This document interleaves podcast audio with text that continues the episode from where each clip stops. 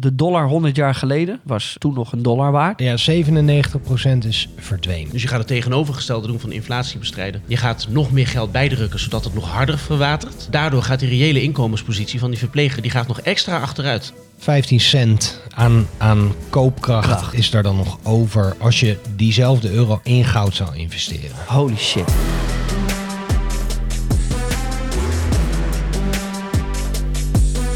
Er staat denk ik een litertje of eh, zes aan koffie op tafel. We zitten nog steeds in een prachtige villa in Kaapstad. Het uitzicht is eh, abnormaal mooi. Alleen vandaag regent het een beetje. Maar dat is ook wel verkwikkend. Het voelt even fris, want gisteren ben ik wel tot op het bot toe verbrand met die kale schedel van me. En vandaag hebben we weer een, een nieuwe Day One podcast voor jullie. Vandaag gaan we het hebben over edelmetalen, goud, zilver. Allemaal van, eh, van, van dat soort dingen, als ik het zo eh, makkelijk mag omschrijven. Ehm, daar hebben jullie veel over te vertellen. Ik heb namelijk Bart Brands, werkt voor Gold Republic, eh, is een goud- en zilverspecialist. Is een, eh, een eh, ja, goudofiel, bestaat dat woord? Ehm, nou, vanaf nu wel. ja, Ja, ja. Orofiel zou dat dan, denk ik. wat zei je? Orofiel. Een orofiel. Ja, oro is, eh, is het eh, Griekse woord voor goud. Ja, maar dit, kijk, jullie, dit, dit is meteen, eh, leer ik alweer wat. Ja. Dit is toch het allerbeste, een orofiel. Wij, wij, wij bedenken dit ter plekke. Probeer Ja. daar ook geen beeld bij te krijgen. Nee, nee, nee, alsjeblieft niet. Oh, dat je dat doet. Arno Wellens, eh, gezellig dat je er ook bent. Dank je, ook welkom. Ja, sorry. Welkom in de, in de Day One podcast. Ehm, de man die eh, redelijk veel moeilijke dingen kan uitleggen op een hele fijne, goede manier. Ehm, en met, een- met een grote dosis humor. Nou, dankjewel. Is dat een, eh, is dat een compliment? Dat, dat wil ik zijn, Ja, laat ik het zo zeggen. zo, vo- zo voelt het wel. Oké. Kan, eh, eh, we kunnen hele grove, maar ook hele leuke grappen maken. Mhm. Alles wordt geaccepteerd. Ja. Maar ik denk ook dat er een, een heel serieus randje aan zit. Ja, tuurlijk. Maar je moet ook af en toe een grapje maken, anders, anders hou je het ook niet vol, hè? En het leven is natuurlijk niet alleen maar kommer en kwel. Maar er zijn wel een paar dossiers die wat, die wat aandacht verdienen, zou ik dan willen zeggen. Eh, edelmetalen? Ja, daarom zitten we hier natuurlijk. Ja, Ehm, ik ben geen orofiel, nee. wil ik er meteen bij zeggen. Totaal Maar- niet? Ja, ik, jawel, maar ik, ik heb het niet zoveel. Dat, eh, Hoe Nog- kijk jij er nog dan te- niet. Nee, nog niet. Nee, ja, als nou, nou, lang, lang verhaal. ja, na, nadat je hier met Bart hebt gezeten, kan je straks niet anders. Zo, Nee. Het is, het is niet normaal hoeveel de man weet erover. En elke keer als ik met Bart heb, eh, heb gepraat over of nou goud of zilver of, of iets anders is, dan wil ik meteen bakken kopen. Eh, Dat, is, hebt- dat is altijd fijn om te, fijn om te horen. ja, maar wa- wat eh, edelmetalen, zie je, hoe- kijk jij er tegenaan? Arno? Nou, ja, kijk, de- inderdaad, de reden waarom, waarom ik denk ik hier ben, ehm, waarom ik ook natuurlijk in de eerdere podcast van eh, voor Gold Republic heb gevraagd, is omdat er in die edelmetaalmarkt, ehm, ja, er gebeuren natuurlijk allemaal dingen en die, eh, het gaat vooral omhoog, tot groot plezier van heel veel mensen. Maar dat is natuurlijk omdat er onrust is in, een, in de andere financiële sector. Dus eh, het is een soort vluchthaven natuurlijk en dat is hoe ik daar tegenaan kijk. Dus je ziet dingen in die, in die goudmarkt gebeuren die een reflectie zijn of een symptoom zijn van een, ja, eigenlijk een ziek financieel systeem. Dat is, eh, dat is hoe ik daarnaar kijk. En dan vluchten mensen naar goud en zilver. Precies. En vastgoed, bitcoin enzovoort. En dat is al, al tientallen jaren zo. Want eh, goud en zilver is natuurlijk iets wat er al, al verschrikkelijk lang is. Ja, maar je ziet wel sinds de kredietcrisis zie je de interessantere sommelingen. Dus dan moeten centrale banken moeten dan eh, de rente naar nul brengen. Of die gaan er op een gegeven moment onder. Dat is een trend. daar- Je, je, je komt daar een keer aan.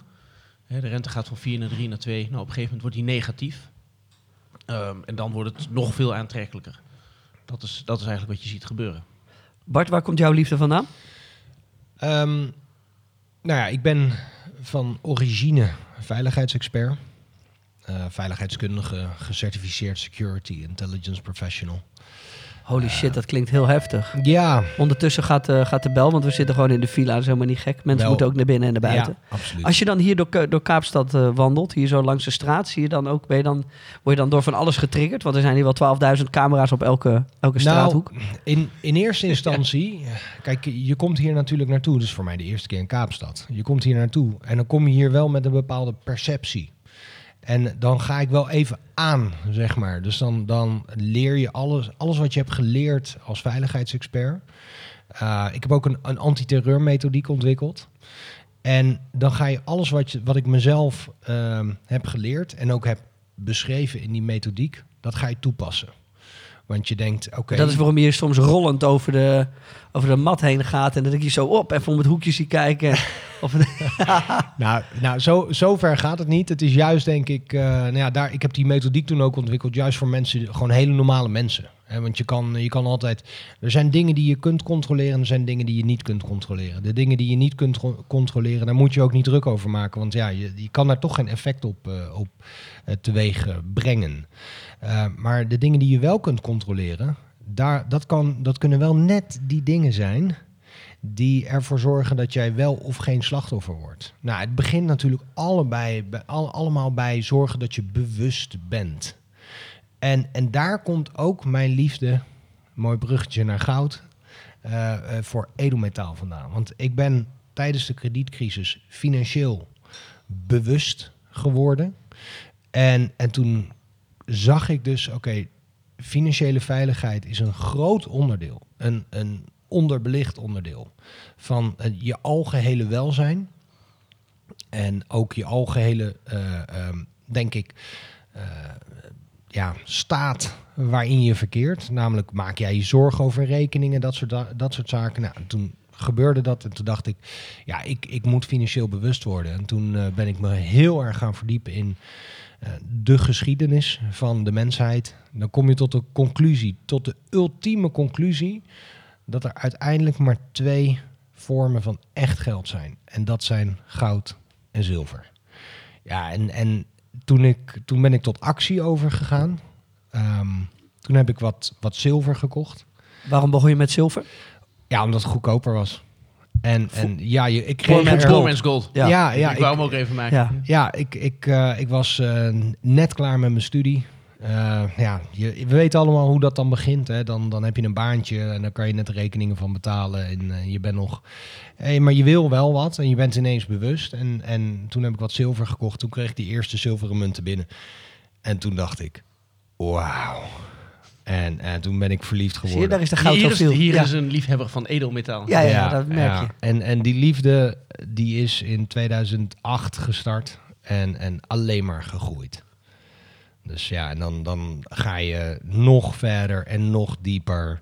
Dan kom je mannen als Arno tegen. Die, en daarom vond ik het ook zo belangrijk dat ik hem een keer uitnodigde voor, de, eh voor Goudkorts gasten. Want die kan zo mooi duiden wat er gebeurt. En ja, nou, nou goed. De rest is eh, History, history. bijna. Nou, Terwijl- en eh, nog steeds gaande natuurlijk. Maar Precies. Ja. Ehm, ik vind het leuk, want we hebben... Jij kan echt wat over, over het goud vertellen. Het fysieke goud en het zilver. Hoe het ontstaan is, wat we ermee kunnen, waarvoor het dient. Maar jouw perceptie is natuurlijk wel echt een stuk anders, Arno. Dat is echt van... Mhm. ehm, koop het om jezelf te beschermen, maar vooral omdat ja, straks eh, er een hoop niets meer waard is. En daar zou nog wel wat waarde kunnen liggen. Ja. Maar dat is al gaande, hè? Ja, En dat is je inflatie. Dat is, wat, dat is wat er nu gebeurt. Ik hoop ja want hoe heftig is die, die inflatie? Ehm, ja, Oh. het officiële cijfers zijn dan 6, 7, 8 procent. Door de Maar dat klopt niet, toch? Nee, het, eh, wa- waar ik tegenaan loop, dat is, er is een statistische definitie van inflatie. Zeker zo- zoals die bijvoorbeeld in de eurozone geldt. En dat is een kopie van hoe de Amerikanen dat hebben opgezet. Dus in 1983 hebben de Amerikanen, het Statistisch Bureau, ik ben een beetje teruggegaan om te kijken van waar komt dat nou vandaan. En die hebben gezegd dat een huizenprijs hoeft eigenlijk niet in de inflatie. Omdat als dat huis duurder wordt, dan kun je zeggen, ja, het is moeilijker om een huis te kopen. Maar er wordt ook waarde gegenereerd. Dus je, je kunt, hè, als je, als je hier tien professoren en wat statistici en mensen, eh, economen om de tafel hebt, dan kan de uitkomst zijn van dat gesprek van, oh, we kunnen inflatie, we kunnen huizenprijzen eigenlijk ook wel uit de inflatie. eh, Want de huizen worden meer waard. Ja, alleen daarbij negeer je compleet de, de betaalbaarheid ervan. De koopkracht. Juist de koopkracht. En er komt een moment dat, hè, wat gebeurt er nou bijvoorbeeld? Kijk, deze, deze redenering van die mensen, die klopt als je kijkt naar de wereld van de jaren 80 in Amerika. Alleen de jaren 80 in Amerika, vroege jaren 80, dus na de grote recessie van de vroege jaren 80, dus 1983, die wereld slaat niet op de eurozone van 2022. Dat is, dat is eigenlijk gewoon het grote probleem hierin. Destijds ehm, was er onder Ronald Reagan is er besloten tot een vrij grote liberalisering en een om de economie aan te jagen. Er mocht ook veel meer schuld worden gemaakt. Wat de Amerikanen toen zijn gaan doen en nog steeds doen, dat is vanuit monetair oogpunt echt fascinerend. Griekenland is er niks bij. Maar toen zijn ze dus heel veel geld gaan creëren. En ehm, dat werkte toen ook. En had je tot, de, tot het einde van de jaren tachtig had je een grote economische boom. Dus de huizenprijzen gingen omhoog. Maar de salarissen van mensen ook. Dat is, dat, En nu dat is het andersom. belangrijk. Juist. En wat er nu gebeurt, precies. Want nu stijgen die huizenprijzen door monetaire ontwikkelingen, het is een beleggingsobject, stijgen veel harder dan die salarissen. Dus het idee dat een huis dan duurder wordt, maar dat geeft jou ook een vermogenscomponent en uiteindelijk beent jouw salaris dat wel bij, die situatie is niet van toepassing op de eurozone in 2022. Nee, maar ook als je je huis verkoopt, moet je ook weer een nieuw huis kopen. Juist, en dat is ook duurder. En dat is ook duurder. Ja. Dus dat is gek, toch? Dat is nepgeld. Dus, Ja. dus, eigenlijk, dus eigenlijk zou je ook toen al... Dus eigenlijk, ik zou graag willen dat wij terug kunnen gaan naar de jaren tachtig. En dan zaten die mensen inderdaad nog braaf met een sigaretje eh, in het eh, gebouw van de centrale bank bijvoorbeeld. En zitten ze te praten over, nou, hoe gaan we nou de inflatie meten? Eh, we zouden daar naar terug moeten gaan. We zouden ze moeten vertellen wat er daarna is gebeurd. Want dat konden ze misschien ook niet weten. Maar je moet nu heel eerlijk zijn. En dat is dat, ehm, dat huizen onbetaalbaar zijn geworden. Het is het grootste onderdeel, grootste component voor in ieder geval voor de, voor de meeste mensen, voor het, voor het overgrote merendeel van de samenleving, is wat, wat jouw huis kost, is het allerbelangrijkste onderdeel van, ehm, van jouw financiën. En dan ga je dat niet Niet meenemen. alleen van je financiën, maar ook van je gemoedsrust. eh, Ja, alles. Maar ja, goed, je gemoedsrust die kan eh, behoorlijk beschadigd raken. ja. Door die financiën natuurlijk. En dat zie je nu bij heel veel mensen. En dat onderdeel, dat, die component, haal je dan uit de, de, het, het, het, het instrument dat dat moet meten. Ja, ik vind dat heel gek. Dus eigenlijk zouden die huizenprijzen terug moeten. En als je dat zou doen, dan, ehm, dan, dan blijkt dus dat bijvoorbeeld hè, als, als 40% van jouw inkomen opgaat aan je huis. Zeker bij huurders bijvoorbeeld is dat het geval. Huizenprijzen gaan met 20% omhoog. Nou, dan zou je dat mee moeten nemen in jouw inflatiecijfer. En dan is het veel hoger. Misschien moet je eigenlijk zeggen dat inflatie 15% is. ja, want In, hoe, in zit, één jaar. En dat blijft, hè? Inflatie blijft, gaat nooit weg. want hoe zit dat met die inflatie? We hebben dat ook al een beetje besproken in de live sessies die we hebben met Gold Republic. Maar ik vind het wel handig om daar wat meer in, in, in, in op te gaan. Er zijn een hoop mensen die luisteren die misschien niet weten hoe, hoe dat speelt en hoe, hoe dat werkt. Er is een mandje. Eh, daar stoppen ze allerlei producten in. Ja. En die ehm, doen per jaar eh, stijgen, dalen. En daar doen ze dan eh, de inflatie op afmeten. Juist hem. Ja, Simpel. ja dus je, precies. Dus het, het, de, de basket noemen ze dat inderdaad voor het de Consumer Price Consumer Index. Price Index. Ja, en dan, dan wordt er gezegd, nou oké, maar als we dan willen weten hoe het met de mensen gaat. Nou, en letterlijk pak je een mandje met goederen. Nou, ik kijk even op tafel. Er zit dan koffie zit in dat mandje, eh, kleren, eh nou, eten. eh, Alles wat we dagelijks in principe ja, nodig hebben en eigenlijk op zich. En de gebruiken. mensen die dat Vlees. hebben gemaakt, ja, die hebben ook vrij en gewoon redelijk werk gedaan van, nou, wat is nou een representatief mandje? Maar die huizenprijzen zitten er dus niet in.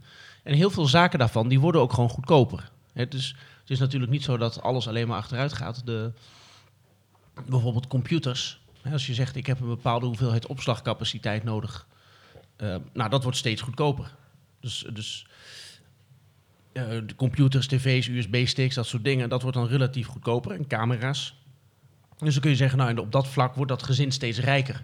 Dat zou je economische groei kunnen noemen. Maar wat ze doen met dat mandje is dat ze vaak toch erin stoppen waarvan zij zelf denken: hé, hey, dit is een, een goed beeld van wat we naar buiten Ja, en willen die, en die brengen. huizen laat je er dan uit. Ja, En als je volgens mij, als je die huizen erin stopt, en dat is misschien echt een keer tijd, maar wij hebben het er nu over, maar ik denk dat meer mensen het erover zouden moeten hebben. Maar ik denk echt dat het tijd wordt dat centrale banken en het Centraal Bureau voor de Statistiek, dat zij desnoods dan maar een, een tweede cijfer erbij maken. En dat moet vrij makkelijk om te zijn om te produceren. Eh, dat je gewoon wel rekening houdt met... wat zou de eh, echte inflatie nu zijn? Als je de huizen erbij stopt, nou, laat, hout we- erbij stopt. Want hout is natuurlijk ook eh Zit, keer... zal eh, ook ongetwijfeld in dat... Nee, maar dan, dan zou je eerder op 15 of 20 procent komen. Wauw. Ja, Ja? absoluut. Ja? En, en het is... Ja, maar het is- reken maar uit. Want als die. Eh, want je moet dan erbij optellen. wat het effect is van, van het feit dat die huizenprijzen. die, die stijgen wel eens met 20, pro- 20 Per jaar. per jaar, jaar op jaar. Ja, dat is niet te doen. En het is het grootste En onze- component. Precies, en onze salarissen stijgen niet. Nee. Eh, niet- Ga maar eens met je Nee, baas die gaan praten. Niet, die gaan niet zo hard, nee. Nou ja, en, en wat ik, wat ik, eh, die, die Consumer Price Index, dat mandje, daar worden nog een aantal andere tactieken toegepast. En dat vind ik wel interessant om, om, eh, om die ook even te noemen. Want je, je mag namelijk bepaalde dingen vervangen. En, en je mag ook waarde toevoegen. Nou, twee voorbeelden. Eén, stel, ehm, rundvlees wordt ontzettend duur. Dan kijken die statistici die kijken naar... oké, maar er zit net zoveel voedingswaarde in kip. Dus wij vervangen rund met kip, want kip is goedkoper. En dus is er geen inflatie. Ja. Want voedingswaarde van kip is net zo hoog. Wow. En, en stel, jij koopt een auto. Ja. En die auto die is 5000 euro duurder dan een jaar ervoor. Maar er zitten een paar features bij. Namelijk eh, stoelverwarming en ehm, weet ik veel, een automatische piloot in een Tesla. Dan, ondanks dat die auto 5000 euro duurder is, zit er voor 10.000 euro aan upgrades in. En dus is die goedkoper geworden. En op die manier kun je dus dat inflatiecijfer enorm Blijven drukken. beïnvloeden. Nou, ik heb een heel gaaf gesprek gehad met ehm, de, de oprichter van Shadowstats.com. Geen Ja. probleem. Gezondheid. Je Eh, hebt toch geen corona, hè? Dat, Nee, maar de, de, airco, voor. de airco ramt er wel doorheen bij mij, kan ik je vertellen. Dat hoor je ook wel een beetje aan mijn stem. Pak jij nog een beetje koffie, Arno? ja, ik heb nog niet, niet genoeg. Niet genoeg, hè? Nog Dus niet. Hij- Hoeveelste hij- kopje is dit nog maar nu? anderhalve liter heeft Ja. hij gehad Nou, vandaag. volgens mij is het mijn, mijn vijfde jaar. Even dus leuk voor de luisteraars. Dan Ja. Dat kan wel even tussendoor. We zitten hier dus in een, eh, in een villa. We hebben allemaal een, een kamer en dan een hele mooie keuken met een koffiezetapparaat. En die deed het net niet. Dan is de stress hoog. En toen, toen sloeg ik even op tilt. En toen waren er ook mensen die keken om, om me heen. Die keken ook van, wat is er met die gozer aan de hand? Maar Wat? ik heb, Wat een monster. ja, er zijn mensen die uit mijn omgeving die zeggen... Nou, dat is licht autistisch gedrag wat jij wel eens vertoont.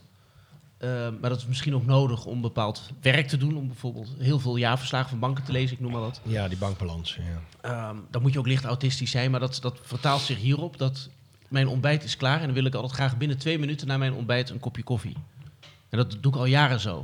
En dan kom ik erachter dat de bonen op zijn. En toen ja, ontplofte er iets bij mij. Maar er is, er is niemand beschadigd. Ik heb ook niemand beledigd. Er is niks kapot. eh, eh, Wat voel je dan van binnen? eh, daar, word ik helemaal gek, jongen. Echt. Waar is die koffie? Waar is die koffie? Het, vond hem wel meevallen. Ja. Bart? En toen kwam er een hele lieve local. Die kwam ons helpen met, met bonen en koffie. En ze, ze bracht net ook kopjes koffie. Maar die moeten dan ook allemaal op. Dat is- maar verder, verder zeg ik altijd, ben ik mentaal ben ik best wel Stabiel. eigenlijk redelijk stabiel. Ja. Ja. Maar dat zijn dat soort kleine dingen die... Dus ik schenk nog even koffie in. Doe maar. Schenk jij lekker koffie in, dan praat ik nog even verder over inflatie. Ja, ga je nog even... Ja. Nou, John Williams, shadowstats.com. eh, die, die heeft dus Niet van RTL 4. Nee, nee. Het is een Amerikaanse heer die al sinds de jaren 70 de, de reële inflatiecijfers bijhoudt. En dan gebruikt hij gewoon een methodiek die in de jaren 70 is ontwikkeld. En die past hij nu toe. Ja, die komt op dit moment uit op, op ja, tussen, cijfers tussen de 15 en de 20 procent aan inflatie, jaar op jaar. En dat, ja, als dat bekend wordt, als jij dat voelt, want ze kunnen nu, hè, je ziet nu mensen die, die al echt eh, beginnen te klagen over de inflatie. Nou, ik denk dat iedereen die luistert ehm, ook wel om zich heen voelt, hoort en in de portemonnee eh, ziet Ja. Dat het allemaal minder wordt. Je merkt het absoluut. En dan, en dan krijg jij nog voor, voorgehouden, het is 7,5 procent. Als jij weet, ja, het is helemaal geen 7,5 procent. Maar, maar je, je gevoel, namelijk 15 of 20, als dat bekend wordt, ja, dan, dan is daar, dan ga jij actie Dat je binnen ondernemen. vijf jaar compleet eigenlijk gewoon... Ja, dat, dat het ja, echt ja. er eigenlijk niet meer uitmaakt. Ja, Want wat je verdient is dan gewoon bijna voor 100% aan inflatie weg. En dat Ja. is, ja, je moet het wel vermenigvuldigen met Ja, elkaar. precies. Dus er gaat dan elk, elk jaar 15% van je geld af. Dus Ja. in theorie kun je dat eeuwigdurend doen. En dan heb je, ja, net als een Zimbabwaans eh, bankbiljet, eh, Bart, wat jij ook gisteren liet zien in een uitzending. Ja. In theorie is het, het is, het is nooit helemaal niks. Nee, Alleen het, het wordt kan wel ook niet. verdomd weinig. En als Ja. je een gezin hebt en je doet daar een, eh, je, je, je past daar die slag toe, nou, dan voelt dat gezin dat. En kijk, het, het, het akelige hieraan is, ik, er, er is dus voor het verschijnsel dat wij nu beschrijven, daar is geen woord voor, volgens mij. Maar als iemand in de podcast, als iemand dit luistert en die denkt het beter te weten, corrigeer ons alsjeblieft. Maar de daadwerkelijke inflatie is dus veel hoger dan de gemeten inflatie, de, de, ja, de boekhoudkundige truc, zullen we maar zeggen. En dat mensen voelen dat verschil wel degelijk. Alleen dat gat, dus ik noem het even eh, het Kaapse gat, omdat we hier in Kaapstad zitten. Eh, dus als, als iemand anders nu zegt, nee, maar er is al een wetenschappelijke Het naam zou wel mooi zijn als dat nu doorpakt. Als dat nu doorpakt. En dan Ja. kunnen we dan ook misschien voorstellen dat we de Kaapse methode gaan toepassen. En dat Ja. is dat je bij beleid, hè, dus als dan bijvoorbeeld dat, als het CBS met dat officiële CPI komt dat Centraal Bureau voor Statistiek. Centraal Bureau voor Statistiek. Ja, dat is dat inflatiecijfer dat zij steeds produceren. Wat dus op zich al best wel zorgwekkend is, maar eigenlijk nog steeds veel te laag. Ik stel dan voor dat ze dan ook het Kaapse getal. Laten we dan kijken of we dit vanaf nu. Ik zal, ik zal het rondsturen naar wat Ja. mensen. Kijken of we dit kunnen realiseren. Dat het Kaapse getal dat dat ook eh, eh, komt. Ehm, dat, kijk, maar dat, dat Kaapse, de kloof tussen de, echte, dus de gemeten inflatie en de echte inflatie, dus dat Kaapse gat. En dan kun je zeggen, nou, eh, hè, als politiek zijnde van, oei, dan hebben mensen het ietsje slechter dan wij dachten. Dat gaan we repareren. Volgend jaar is dat opgelost. Dat is toch grote paniek als dat naar buiten komt? Ja, en dat is maar die, het akelige hieraan is. En dat is, heel veel mensen die voelen dat niet. En die, eh, ik, ik snap ook niet dat, dat daar geen respect voor is. Hè, voor het feit dat dat effect is voor altijd.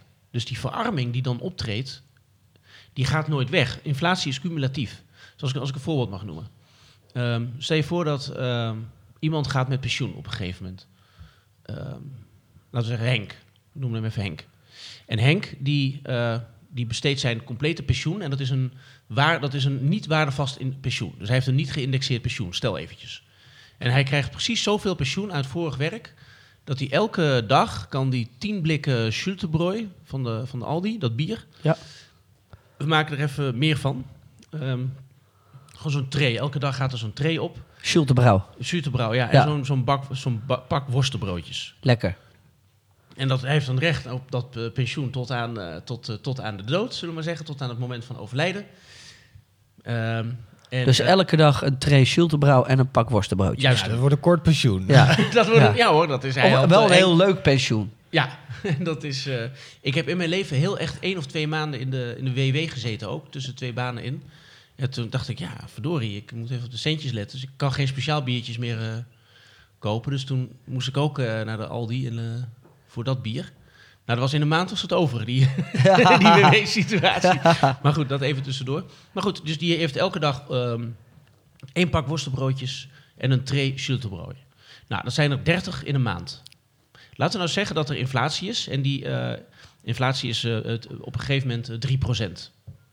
Nou, dat is, dat is dus één tray Schultebrouw en één eh, eh, pak worstenbroodjes. Heeft hij dan minder?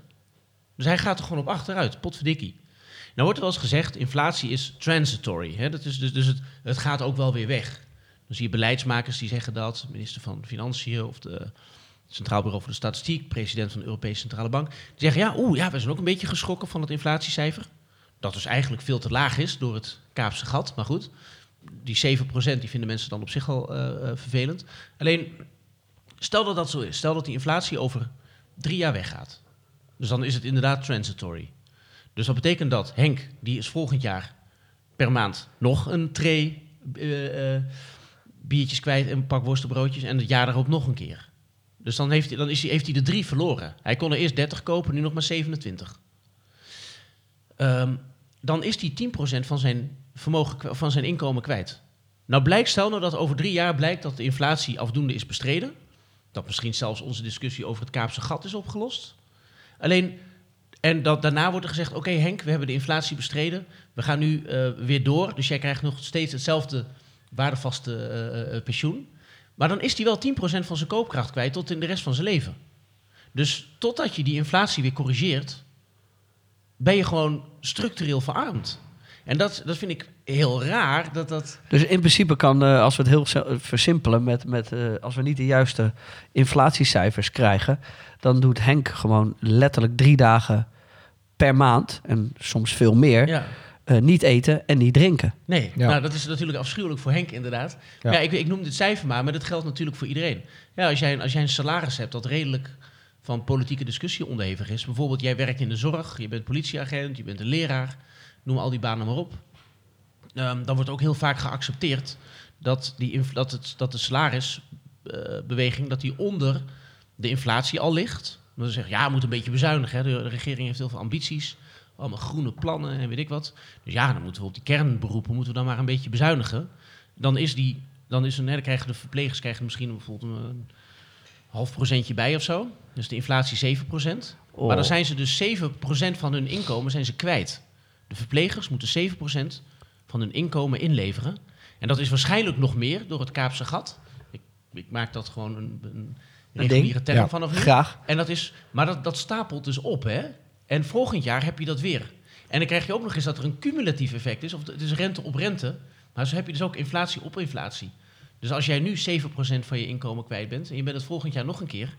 dat is meer dan 14% wat eraf gaat, hè? Dus, dus Wauw. die, die middenklasse is gewoon knetterhard Hoezo, aan het hoezo, zijn, hoezo zijn we hier gewoon niet allemaal meer van op de hoogte? Ja, dat vraag ik me, dat vraag ik me ook even. Dat is ook waarom we dit doen natuurlijk. Maar ja, ja ik, denk, ik denk dat, eh, dat één, dat steeds niemand meer schreeuwt mensen- hier hard over, hè? Nee, nou, ik nu omdat ik helemaal high ben van de koffie. Maar Ja. Ja. Maar Maar ja, ik, ik denk dat er wel steeds meer mensen zich daar, daar ook druk over maken. Want je ziet wel dat de bewustwording wat dat betreft onder de, nou, de, de normale hardwerkende eh, Nederlander, die, die, die kijkt gewoon naar zijn loonstrook. En die kijkt inderdaad ook naar wat ben ik kwijt in de supermarkt, eh, aan de pomp. En die, die voelt dat dus ook.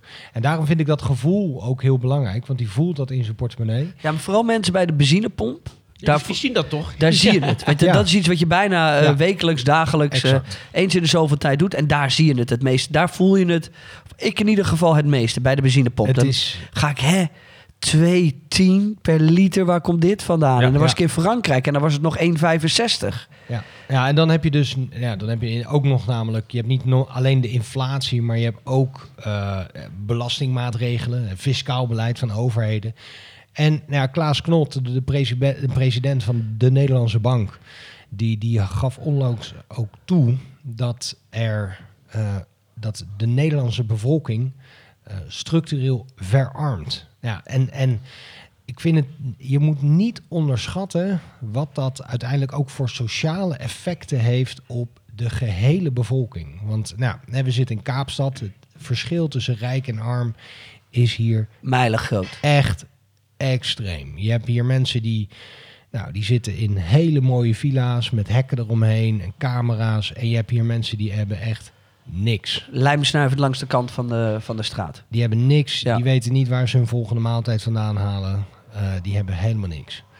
En dat effect, dat creëer je natuurlijk. ehm, eh, dat, dat maak je.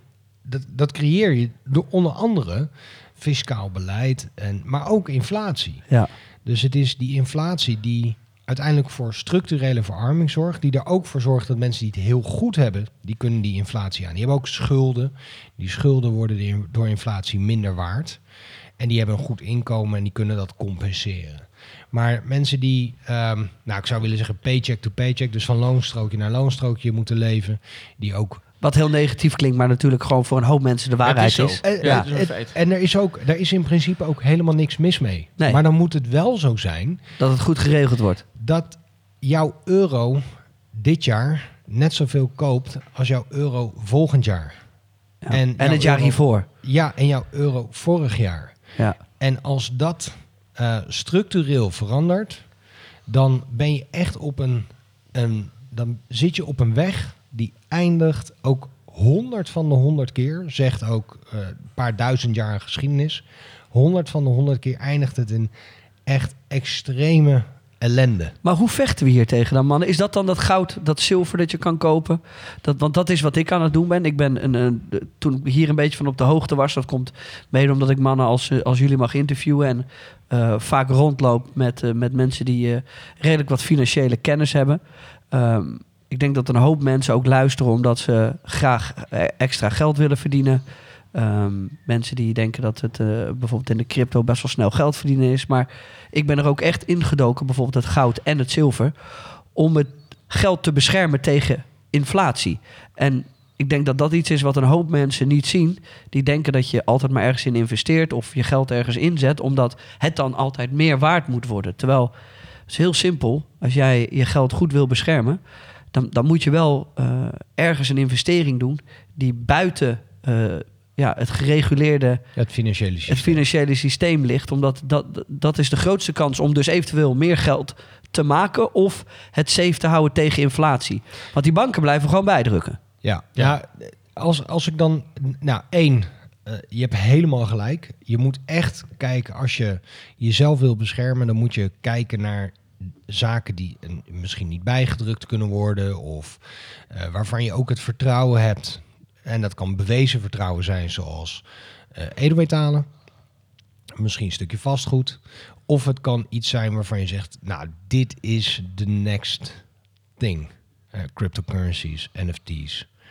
Ehm, als je daarin gelooft en je hebt gewoon wat middelen die je daarin kan steken. En je weet wat je aan het doen bent. En je weet wat je aan het doen bent. En je bent ook bereid. En je, je hebt ook een plan. Kijk, van goud word je niet. Ja, maar dat is waarom ik bijvoorbeeld goud en zilver een hele mooie optie vind. Is Ja. je kan één, eh, een hoop leren van de geschiedenis. Je ziet dat een, een hoop punten zich herhalen. Ehm, maar je, het, het is ook wel redelijk duidelijk. Dit is goud, dit is zilver. Je kan wat lezen over de geschiedenis ervan. Eh, je kan erop naslaan wat het eh, de laatste 50 eh, tot 100 jaar heeft gedaan. Ehm, en dan zie je gewoon dat het een, een hele mooie optie is om je geld te beschermen. Ja. En als je in crypto of NFT's eh, duikt, dan moet je heel diep onderzoek doen. En, moet je, en ben je eigenlijk nooit zeker van je zaak, want daar is gewoon nog een hoge volatiliteit. Maar ook, ja, eigenlijk is, is buiten Bitcoin en buiten Ethereum nog niet, is er nog niet echt iets wat zich zo bewezen heeft, dat zo stabiel staat, dat je daar eh, ehm, makkelijk van kan zeggen dat je daar je geld in moet stoppen, omdat het in ieder geval helpt tegen inflatie. Dat het je geld bewaart. Ja, je doet Ja. het ook met een andere instelling. Hè? Want kijk, goud en zilver, daar word je niet rijk van. Dat kan natuurlijk van cryptocurrencies wel. Eh, en ik zeg ook wel eens... Maar er waren tijden dat je wel rijk van kon worden, toch? Nee, goud en Nee? zilver. Nee, kijk, ga- ja, er zijn echt, maar eh, dat zijn momenten waarop je het niet eigenlijk, eh, die, dat, dan is de wereld in zo'n verschrikkelijke situatie beland. Goud en zilver koop je om te zorgen dat eh, je de koopkracht die je erin steekt, nou, waar we het net over hebben Mhm. gehad, eh, met de inflatie, dat die, die steek je erin en die blijft erin zitten. Dus jij, jij kocht in 2001 voor 10.000 euro 1 kilo goud. Die Koffie. kilo goud is nu, Ja, koffie alsjeblieft. Sorry, Arno. Schenk me even wat bij. die, die kilo goud is nu 50.000 euro. Maar die 50.000 euro, daar koop je nu net zoveel voor, ietsje meer. Eh, Het is altijd een beetje koopkracht plus rendement. Ehm, dus dat, dat deel van je portefeuille, dat, dat is wat je wil beschermen, dat steek je in edelmetalen. En dan heb je een deel van je portefeuille waarvan je zegt, nou, ik wil dat dit meer wordt. En dan kijk je naar andere asset classes. En dan is het wel overigens, in ieder geval, ik, ik ben daar groot voorstander van, om dat dan te doen in Te spreiden. nou, ja, één spreiden, maar ook in assets die buiten het financiële systeem vallen. En wat is, wat is dan het financiële systeem, Arno? Dat, dat is de, de, ja, de, de wereld van de paychecks. Ja. En eigenlijk gewoon je euro. eh het, het, dus de gulden, het geld dat we hadden. En dat inderdaad bedoeld was om, om waardevast te zijn. Centrale banken hebben altijd een hele eh, ja, eh, moeite gedaan eigenlijk om inflatie te bestrijden. Nu wakkeren ze het aan, interessant genoeg. En daar, daar moet je dus van bevrijden. Dus je Ja, moet want- dan, want als je gewoon een spaarrekening hebt, dat was het idee. Als mensen zeggen, nou ik zet wat geld opzij van mijn salaris. Ik slaag er bijvoorbeeld in om 10% van mijn netto salaris te, te sparen. Nou, dan accumuleert dat over die jaren en dan eh, heb je een potje voor later bijvoorbeeld. Mensen die zo denken, ja, die, die ondervinden dus dat het geld dat ze niet opmaken, dat dat verdwijnt. Dus dan kun je ook maar beter gewoon niet sparen. En die wereld moet je dus ontvluchten. Ja. En, en ik hoorde eh een van jullie gisteren, het kan ook Willem zijn geweest, maar eh, de dollar 100 jaar geleden eh, was, was toen nog een dollar waard. En hoeveel procent van die dollar is daar nu nog over?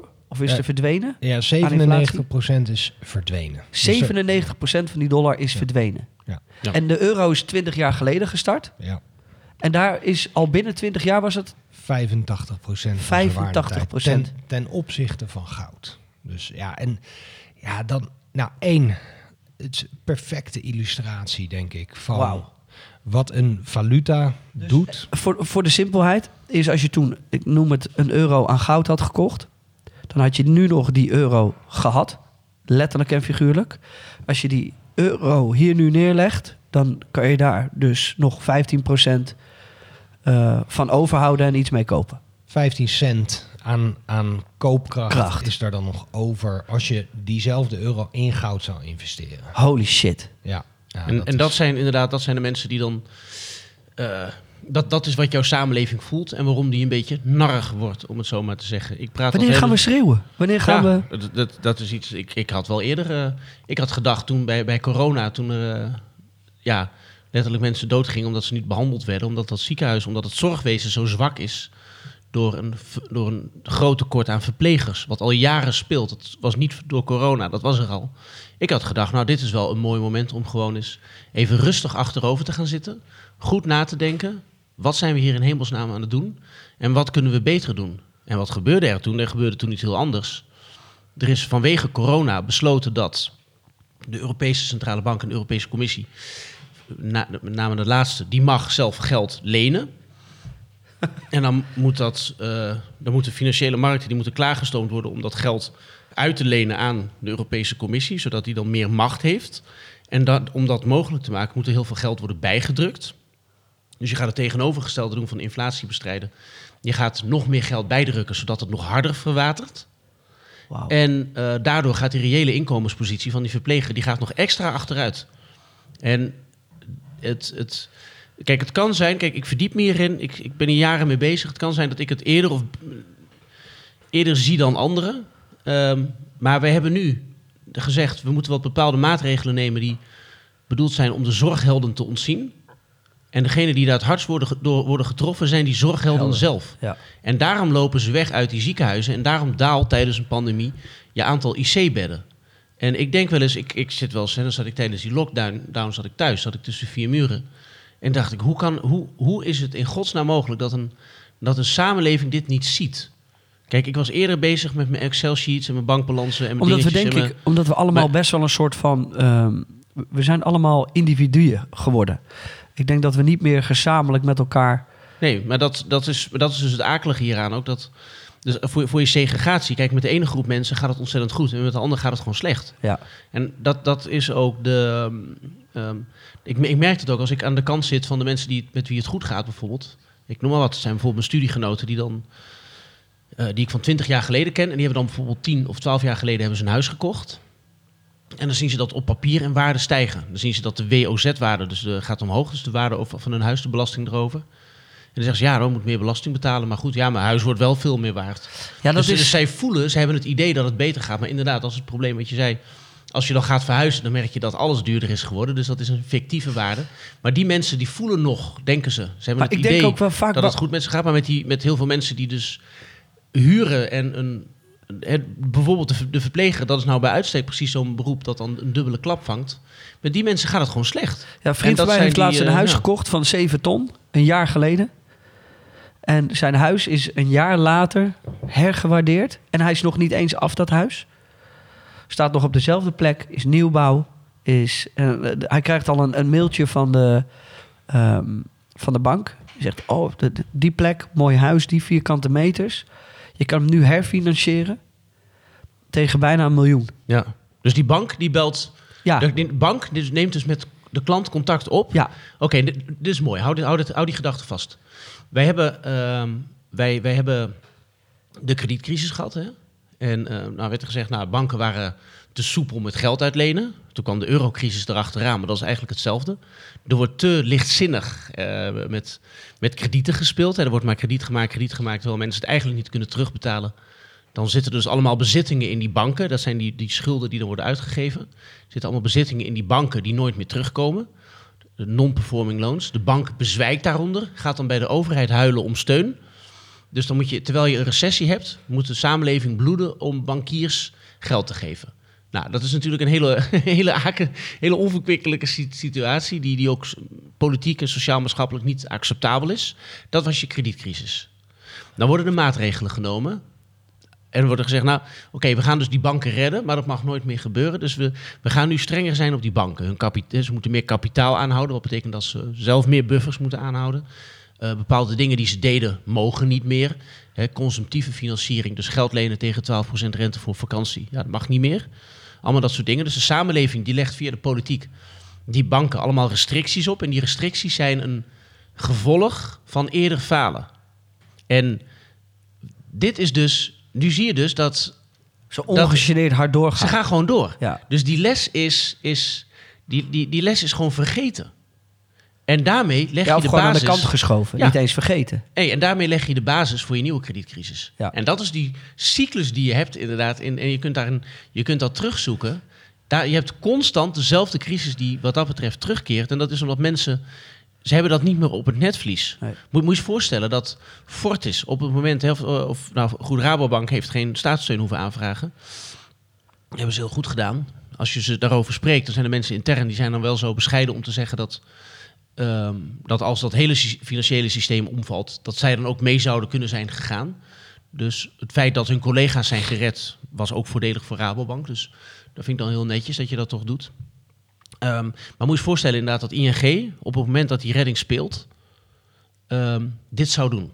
Ja, Moet je voor, dan, was, dan was het land te klein geweest. Ja, ik, zei, maar- ik zei dat het eh, van een vriend van mij was, maar, maar ik- omdat ik het eigenlijk nooit over mezelf hebben. Maar het is mijn eigen huis. ja. En daarom schrok ik er zo van. Ja. Dus het, was mijn eigen, het is mijn eigen huis. Het is een huis wat ik eh, een paar jaar geleden heb gekocht. En ik kreeg een, een, een, een mailtje en daar stond dat letterlijk in. En toen dacht ik, wow, dit, dit is echt eng. Ja. Het is eng. Het kan niet zo zijn eh, dat, het, dat ik het voor dat gekocht heb en nog geen jaar later, terwijl er... En dat maakte, daar, daar ging het in mijn hoofd mis. Het is niet beter geworden. Nee, het- staat niet een huis nu echt. De fundering staat er alleen. Er is dezelfde, vierkante ja. meters. Ja. Er is, je weet niet eens hoe het eruit komt te zien. En nu kom je naar mij toe en zeg je... ja, als jij bijna drie, eh, drie ton meer wil, dan kan dat gewoon. En dan kan je als je wil nog het binnen zo mooi maken als je wil. Want wij vinden het nu al bijna een miljoen waard. Ja. En dat is dus, en dat klinkt dan... dan wil je eigenlijk tegen je vrienden zeggen... oh, ik heb een huis van een Ik ben miljoen. miljonair. Ik ben miljonair. Maar dat is natuurlijk absolute bullshit. Ja, maar dat is maar let, let op hier inderdaad. Dit, is, ik vind, dit vind ik een heel mooi voorbeeld. Ik ben blij dat je die meeneemt. Maar moet je nou dus eens voorstellen, je zit, we gaan weer terug naar 2009. Je zit op het toppunt van die kredietcrisis. Ja, en er is eh, allemaal nieuwsberichten over recessie, mensen werkloos. Mensen zijn boos op de banken. Je had toen die tentenkampen vlak voor Beursplein 5 van de Occupy-beweging. Die mensen die hebben op een gegeven moment, ik weet niet waarom, maar die hebben de banken met rust gelaten. En die zijn toen eh, losgegaan op genderneutrale toiletten. Dat is die, die bankiers die, eh, die zijn er natuurlijk hartstikke blij mee, want zij zijn niet langer eh, de focal point van die maatschappelijke eh, beweging. Maar goed, je zou bijna denken dat ze dat, dat, ze dat woke gedoe hebben aangewakkerd. Maar Zou slim zijn geweest. dat was een hele goede move geweest. Ja. Ik, eh, maar goed, ik kan dat niet bewijzen, maar ik ben ermee bezig. Maar goed, op dat moment, hè, moet je je voorstellen dat jij, terwijl dat speelt, terwijl die onrust er is, die maatschappelijke onrust. Jij belt mij op, want jij wil dan een journalist spreken. Ik, was, ik werkte toen nog bij Quote. En jij zou zeggen, moet je eens kijken wat ik krijg van mijn bank, van ING. Ik doe even alsof het ING is, omdat hij dus wel staatssteun heeft gehad. En ik zou er een artikel over publiceren. En ik zeg, we zitten in een crisis omdat banken zo onvoorzichtig waren geweest. Die stomme bankiers, die hebben heel dom gehandeld. Die hebben veel te veel krediet gecreëerd. Dat moet nu worden opgelost. Daarom is er inflatie. Daarom vluchten mensen ook naar goud. Maar goed, ehm, stel je eens voor dat, dat in die situatie op dat moment... dat jij naar mij toe was gekomen en we hadden gewoon gepubliceerd dat de bank dit deed. Dan was het land toch te klein geweest. Ja. Dan had iedereen toch gezegd van... wauw, midden in een crisis die het gevolg is van die overkreditering... ga je door met dat slechte gedrag. Maar nu zijn we officieel zogenaamd uit de kredietcrisis... en nu gaan die banken daarmee door. En terwijl het, de, de, de, de root cause van die problemen... en dat is overkreditering... en dat is een hang naar risicovol gedrag... en te veel kredieten afsluiten, dat is hetzelfde. Dat leidt dan tot een acuut crisisgevoel rond die kredietcrisis... maar het is altijd slecht... Alleen omdat dat acute crisisgevoel even weg is, ga je hetzelfde doen. Ik, misschien mag ik dit vergelijken met iets, maar ik bedenk het ter plekke. Stel eens voor dat je, je hebt een gezin. ehm, en, eh, en, en de man die drinkt te veel en die slaat zijn vrouw en zijn kinderen. Even een hypothetisch voorbeeld. En ehm, op een gegeven moment heeft hij eh, vier flessen wodka op. En eh, grote ellende in dat huis. En dan bedenkt hij van, ik ga nog een vijfde fles wodka opentrekken. En dat is dit gedrag wat jij net beschreef van wat die bank doet. Ehm, dan, zal, dan, zal het hele, dan zal de hele straat, iedereen zal zeggen... hoe kan je dat nou doen? Hè, de hele huisraad is, een, een- een- is kort en klein geslagen... en eh, je vrouw bloedt en eh, de kinderen huilen... en, eh, En jij gooit er nog een bij. fles bovenop. En jij gooit er nog eventjes een fles... Wat ben jij een idioot? Dan gaat die hele samenleving en de hele straat en de politie... en iedereen die gaat dan los op die dronkenlap. Want je ziet dan acuut wat het probleem is... en dan ga je dat verergeren.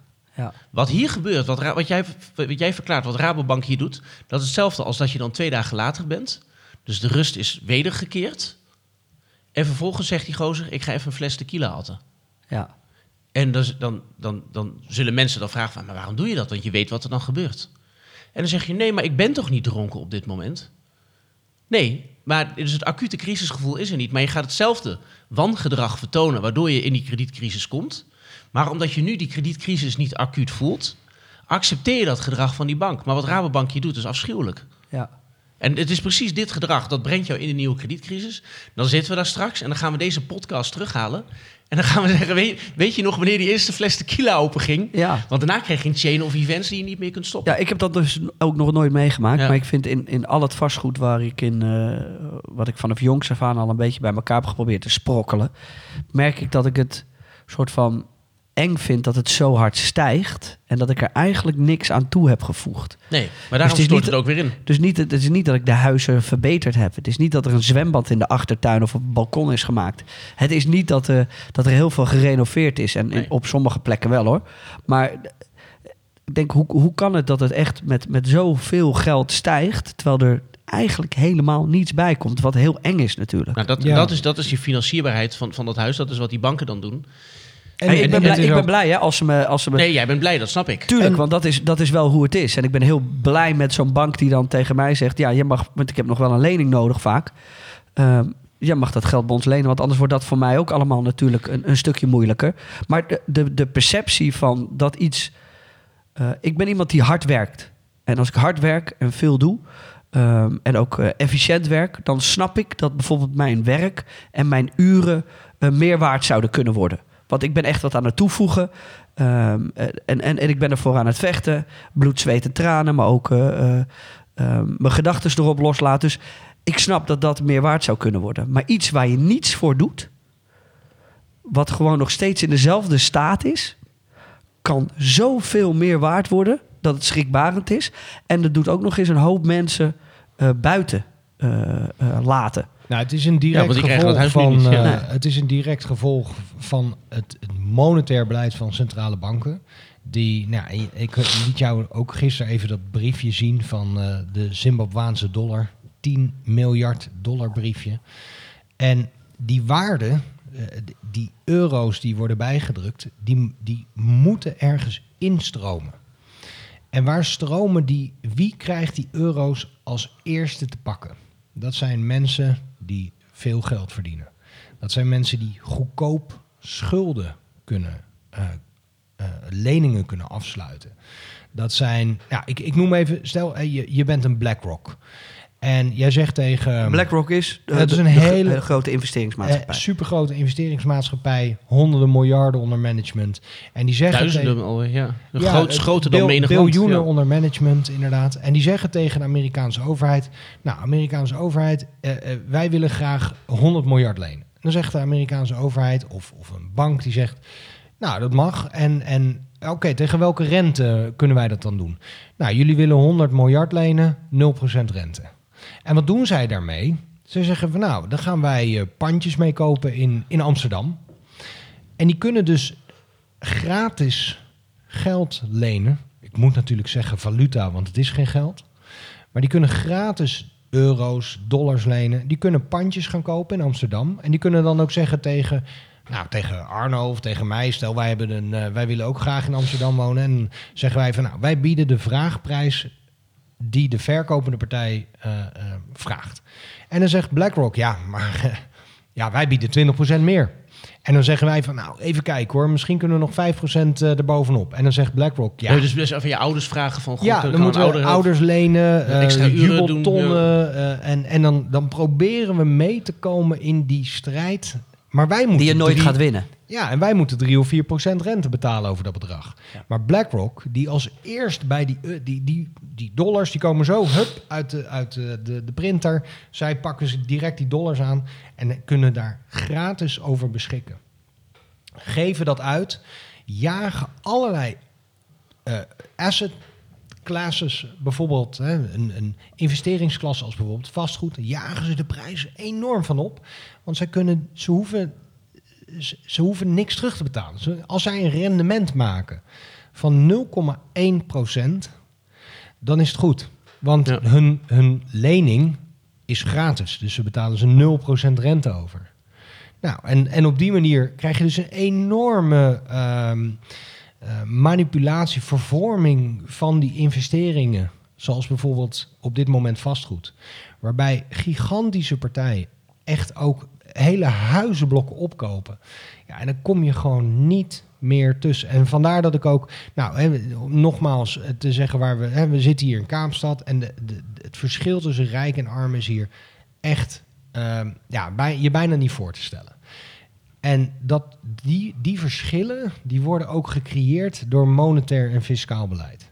En als jij als overheid tegen ehm, nou, Pieter Omtzigt, een, een, een vriend van Arno, die heeft onlangs een, paar hele goede kamervragen gesteld over belastingdruk. En die belastingdruk die is sinds, eh, sinds 2001 toegenomen. Dus nou, ik vermoed zomaar dat jij daar ook onder valt. Eh, die is toegenomen als je anderhalf keer modaal verdient. ehm, dan betaalde je in 2001, was je algehele belastingdruk 37% Dus 37 cent van elke euro, hup, naar de overheid.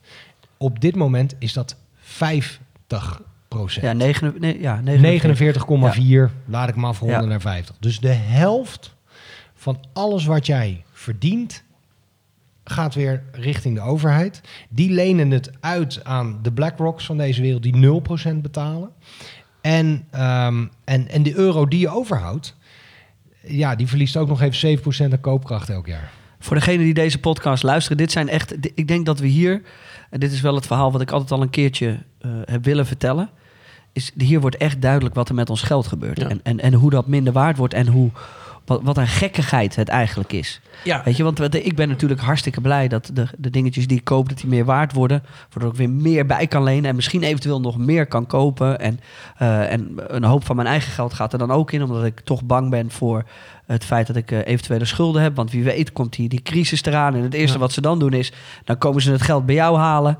Ehm, de- dus er zijn, er zijn een hoop dingen waar je over na moet denken. Maar je kan je wel afvragen in wat voor wereld je terechtkomt. Ja. En, en dat is, zijn dus bijvoorbeeld de werelden waarbij de haves in gated communities moeten leven en buiten die gated communities eh, met hekken overal omheen en camera's en honden eh, en gewapende beveiliging die overal rondrijdt. Omdat daarbuiten een hele grote groep mensen gewoon niets meer heeft. Dus het is voor die mensen die wat hebben, die denken op dit moment Maar het zijn dus niet eens de, het zijn niet eens de vermogende mensen. Het zijn niet eens de mensen die, die best wel wat centjes hebben. Maar het is nog een stapje daarboven. Het zijn wel echt de, de, de, de BlackRocks van deze wereld. Maar ook ehm, eh, onze overheid die daar toch voor zorgen. ja dus die, Want wij die- kijken heel ja. snel naar de miljonairs. En dan denk je, oh ja, maar jij hebt zoveel geld. En dat, dat, jij moet meer inleveren. Terwijl daar ligt misschien het probleem wel helemaal niet. Nee, Nee, oh, het is, het absoluut is- niet ja, hoor. Precies. Het is, eh, dat zijn de arme rijken, hè, die heb je ook nog. Ja. Nou, en eh, kijk, ik vind ehm, dat als je de belastingdruk veel lager kan. eh, Ik heb niks tegen miljonairs. Ik hoop zelf ooit ooit een keer er, erbij te horen. Ja. Ehm, en en eh, als jij hard hebt gewerkt en je hebt heel veel verdiend, dan is er. Volgens mijn nul- huis ben ik het. Ja. Kijk eens even. Meer, Holy inle- shit. meer inleven. Ja, dat is van de nou, Rabobank. Ja. Absoluut niet. En, en maar, maar het gaat hier dus ook niet om het gedrag. Want kijk, dat jij eh, bezig bent met iets opbouwen, dat is heel goed, want daar groeit de maatschappij van. Eh, daar groeit eh, daar welvaart van, want jij geeft dingen uit, daar leven andere mensen weer van. Dus die keten is heel mooi en goed. Maar op het moment dat een overheid ervoor zorgt Nog een beetje koffie allemaal. Ja, nog een beetje koffie. Lekker, heerlijk, koffie. Ja, we gaan zo wel, eh, want we moeten zo. eh, ja, ja, we we moeten... hebben nog twee minuten, want we moeten op safari. Super decadent nadat we dit bespreken. Maar dat is wel iets waar we verschrikkelijk veel zin in hebben. Ik zie de jongens die ons met het podcast helpen ook kijken. Dario, je ziet er nog steeds bij. Dario is ons. Die helpt ons hier eh, met, eh, met filmen en editen. Maar die is een beetje ziek en zwakjes. Gaat het? Ja, voel je je beter? Ga je toch mee op safari? Oké, dan maken wij deze podcast even af. Als je Eh. iemand voor de leeuw moet gooien, dan weet je wie... Ja, ja, de zwakste altijd, hè? Ja, precies, want die, die is toch de klos. Dat is, Ja. dat, dat is de wet van de natuur. Nee, maar kijk, dus wat, wat, wat, wat Bart zegt, dat, dat klopt. Ja, je mag ook naar het maatschappelijke effect kijken. Dat, kijk, wat ik, wat ik wel eens hoor, hè, men, dan noemen mensen... dat zeggen ze af en toe, zeggen ze, oh, je bent een rechtse bal of zo, weet ik veel. Ja, prima, vind ik lachen. Maar kijk, rechts in, in de klassieke zin van het woord, hè, en economische... Zeg maar, in ideologische zin, maar dat, dat betekent tegenwoordig allemaal niet meer zoveel. Er gebeurt zoveel, je krijgt zoveel nieuwe... Ik hoorde jou zelf zeggen dat de VVD tegenwoordig GroenLinks is. De VVD is GroenLinks. Ja. De VVD Oh, doet dit. Dit komt nu vuur, in je ogen. Ja, nee, maar het, het, kijk, de VVD kiest ervoor om, eh, om gewoon heel erg hard de belastingen te verhogen voor werkende mensen. Daarbij ontzien ze doelbewust de Uber-rijken. Dus, ehm, eh, De en- en Waar de we het dus net over ja, hadden. En, ze, Ja. eh, en dat doen ze om, een, ja, om gewoon het GroenLinkse beleid uit te voeren. De subsidie voor biomassa. Dus er moet subsidie worden gegeven om bomen te mollen. Want het is goed voor het milieu, bomen omhakken. Nou, dan moet de belasting voor werkende mensen maar omhoog. Maar op een gegeven moment, die werkende mensen... die betalen zoveel belasting over hun inkomen...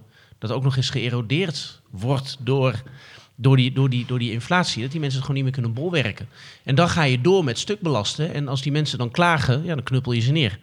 Dat, is, dat doet mij denken aan een, gemiddeld communistisch regime. Maar het geinige is hier dus dat, die, dat normaal gesproken zou... als, stel dat mensen heel rijk worden, stel dat we twintig jaar geleden leven... en iemand wordt heel rijk, dan zou een liberaal of een libertair, hoe je hem wil noemen... de liberaal die zou zeggen, nou, weet je wat... je moet het rijker worden van die hele succesvolle ondernemer. Die ziet dan bijvoorbeeld zijn inkomen harder stijgen en zijn vermogen... dan bijvoorbeeld de verpleger. Nou, dan zou de, de, de liberaal, die zou dan vroeger hebben gezegd je moet als overheid niet te hard ingrijpen.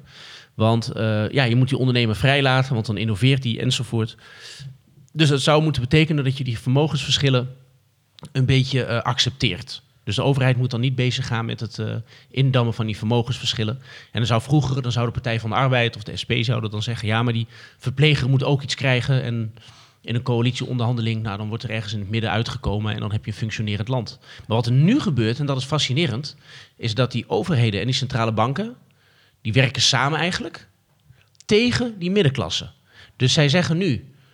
Hè, dus dus als, je, als ik nu zou pleiten voor meer overheidsingrijpen... dan zouden mensen zeggen van ja, dan ben je heel erg links.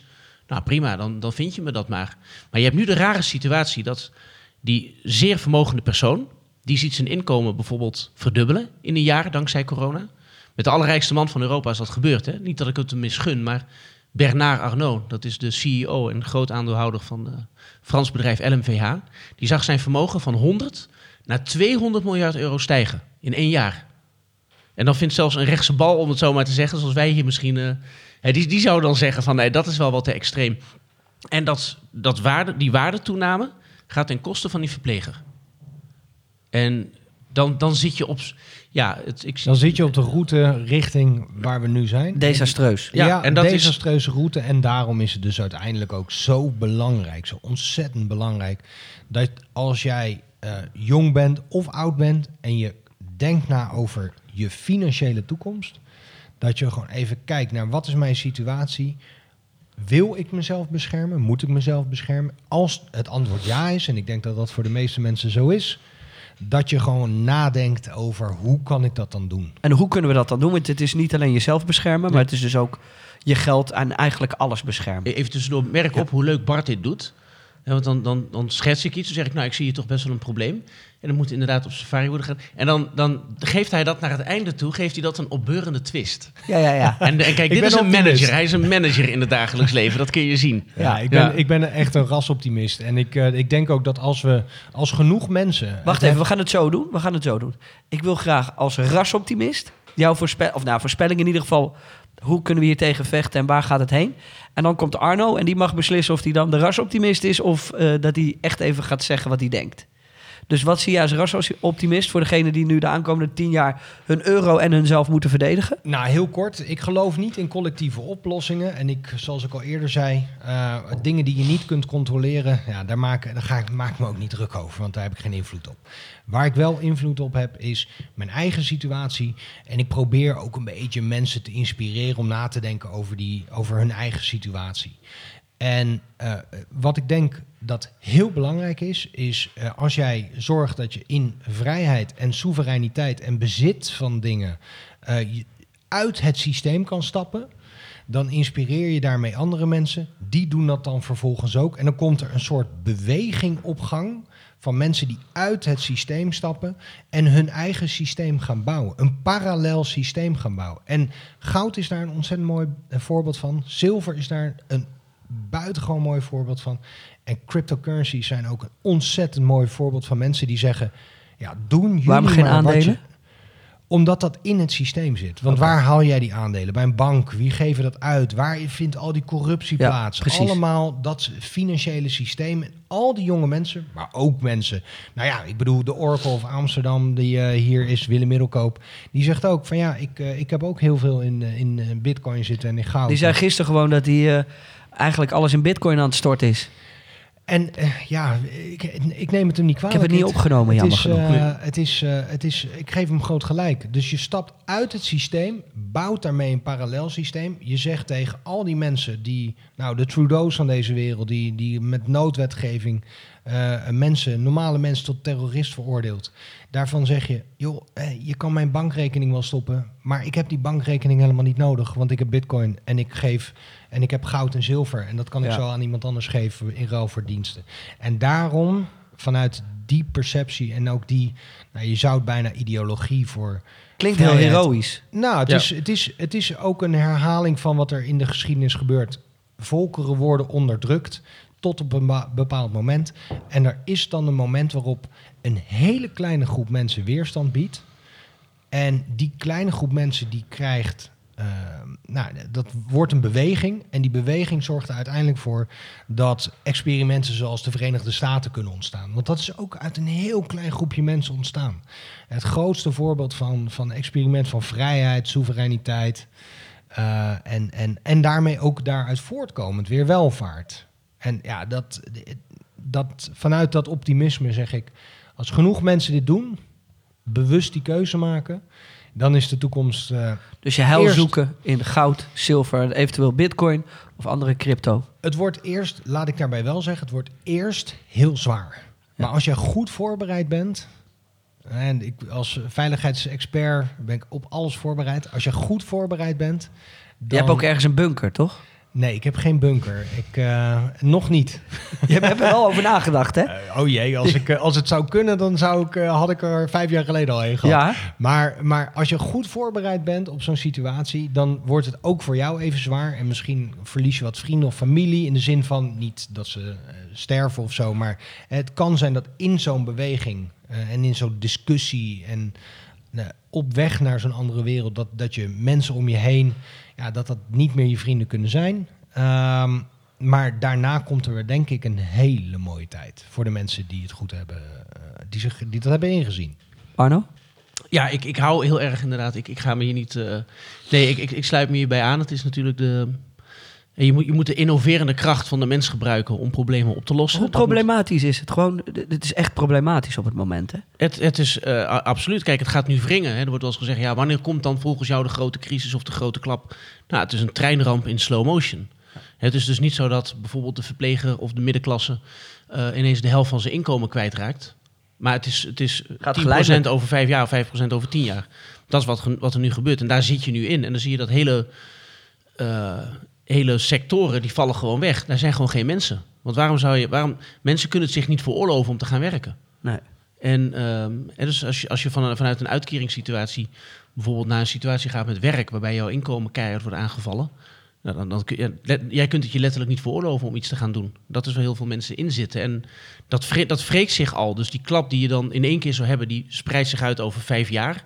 En daardoor zien mensen niet acuut hoe, hoe ernstig dat is. Maar ga maar eens met een ziekenhuisdirecteur eh, praten. Eh, en dan kom je er al vrij snel achter hoe, hoe, ehm, hoe nijpend dat is. En ik ben inderdaad, ik ben voorstander van, van, van Bart's principe. Dus dat als je ergens, dus kijk, naar Europa bijvoorbeeld, een paar eeuwen geleden, dat je heel veel dictaturen had. En dat mensen daarvan wegtrokken, hè? een new world, dat, dat idee. Ehm, dat, dat, dat, dus dat je gaat pionieren en dat je op zoek gaat naar dingen. Ik, ik vind dat ontzettend mooi. Ik zeg er wel bij, dus even een klein zwartgallig dingetje, maar dan toch weer positief eindigend. Dat, eh, dat zeg maar, dat, dat, dat financiële monster dat op zoek is naar mensen om te belasten. Hè, dus stel je, stel je voor dat wij straks met allemaal hele leuke mensen in die gated, niet in de gated community, maar wij starten op een nieuwe plek. Een, eh, een open, vrije samenleving, bij wijze van spreken, even de metafoor gebruikend. Ehm daar, komen die, daar komt die overheid die in die samenleving zit, die wij achter hebben gelaten. Je eh, komt achter je aan. die komt nog wel achter je aan, want die ziet Ja. dat wij bijvoorbeeld zelf zilveren munten hebben of iets waar we mee handelen. En, en onze nieuwe gemeenschap is een salariswelwaarde vast. Gebaseerd op inderdaad zilver, waardoor het vertrouwen heeft. Maar ja, dan komt inderdaad die overheid met dat begrotingstekort enzovoort. In de centrale bank, die al die rotzooi opkoopt van die, van die, van die particuliere banken enzovoort. Ja, die moeten gewoon weg eigenlijk. Dat is- Italiaanse staatsobligaties kopen. ja, die komen ze nog steeds in onze maag splitsen.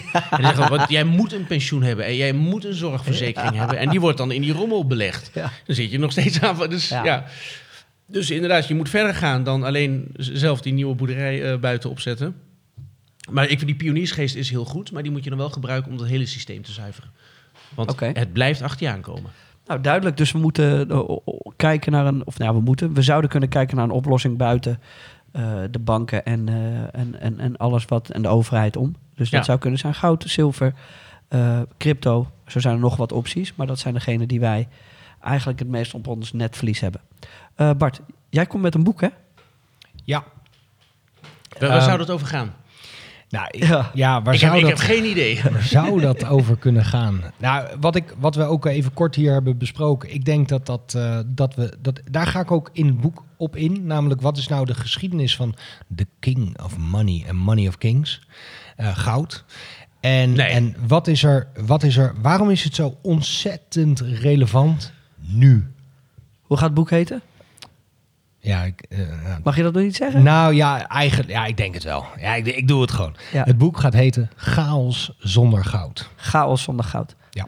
Ehm, we kunnen het jou gewoon ook volgen, hè? Voor een paar euro per maand. Ja, ja ik, heb, ik heb Back Me en daar doe, ik- doe ik altijd borrels met mijn, eh, met mijn mensen. En anders Maar, kijk ja, maar voor de mensen die meer van dit soort dingen willen weten, is Ja. het voor een paar euro per maand, zou ik zeggen. Ja. eh, why not? Ja, je krijgt Waar kunnen we dat ik- vinden? Ja, gewoon zoek op Arno Wellens en Back Me. En eh, ik hou altijd zo, het liefst inderdaad... Arno Wellens at OnlyFans. Het OnlyFans, daar vind je ander materiaal. Daar geef ik kookcursussen. Ik heb laatst een hele mooie cursus gemaakt over hoe je een ei kookt. Ja, met alleen een dat- schort om. Ja, dat, eh, ja, dat zou jij wel willen, hè? Dat is, eh, jij, zit geluk, jij zit in de kamer naast mij, moet ik even rekening mee houden. Nee, maar zonder gekheid. Eh, ja, dat kan. Je kan wat, wat ik het liefst doe, is dat ik gewoon borrelmeetings hou. Dan gaat het over een bepaald onderwerp. Dus de eerstkomende van, eigenlijk van woensdag. Dan ga ik het hebben over biomassa. Hè? Dus het idee dat, je, dat als je bomen omhakt, dat dan de zeespiegel daalt. En dat daar 48 miljard euro aan subsidie heen moet. Why? Waar komt dat vandaan? Nou, dan leg ik dat uit hoe die, hoe die wetgeving tot stand is gekomen, wie er heeft gelobbyd. Nou, dat zijn natuurlijk die verkopers van die blokken hout, dat zie je al aankomen. Met afschuwelijke neveneffecten. En dan gaan we gewoon gezellig, eh, daarna maken we er een dolle boel van. En waar kunnen we dat vinden? Eh, ja, zoek gewoon op Arno Wellens Back Me of kijk op mijn Twitter of mijn, gewoon mijn website, Arno Wellens EU. Daar is alles helemaal gratis. Dit ook allemaal. Ik deel alles gewoon Wat eh, fijn. gratis. Ja, vind ik vind ook leuk, vind ook leuk om erover te praten, had je al door. Er is hier ook gratis koffie, dat scheelt. Ja. Dus, eh, ik- Wij zijn ik nog wel even draaien. wakker. We hebben een litertje of drie op. Mannen, mag ik jullie bedanken? Tuurlijk. Dit was eh, de Day One podcast. Vergeet niet eh, dat we meerdere podcasts opnemen deze week. Er is nog veel meer te vinden hier op Spotify. Deel het met je vrienden als je het een interessant verhaal vindt. Volg ons op Instagram. En eh, volgens mij zijn we er morgen gewoon weer met de podcast. Dus tot dan.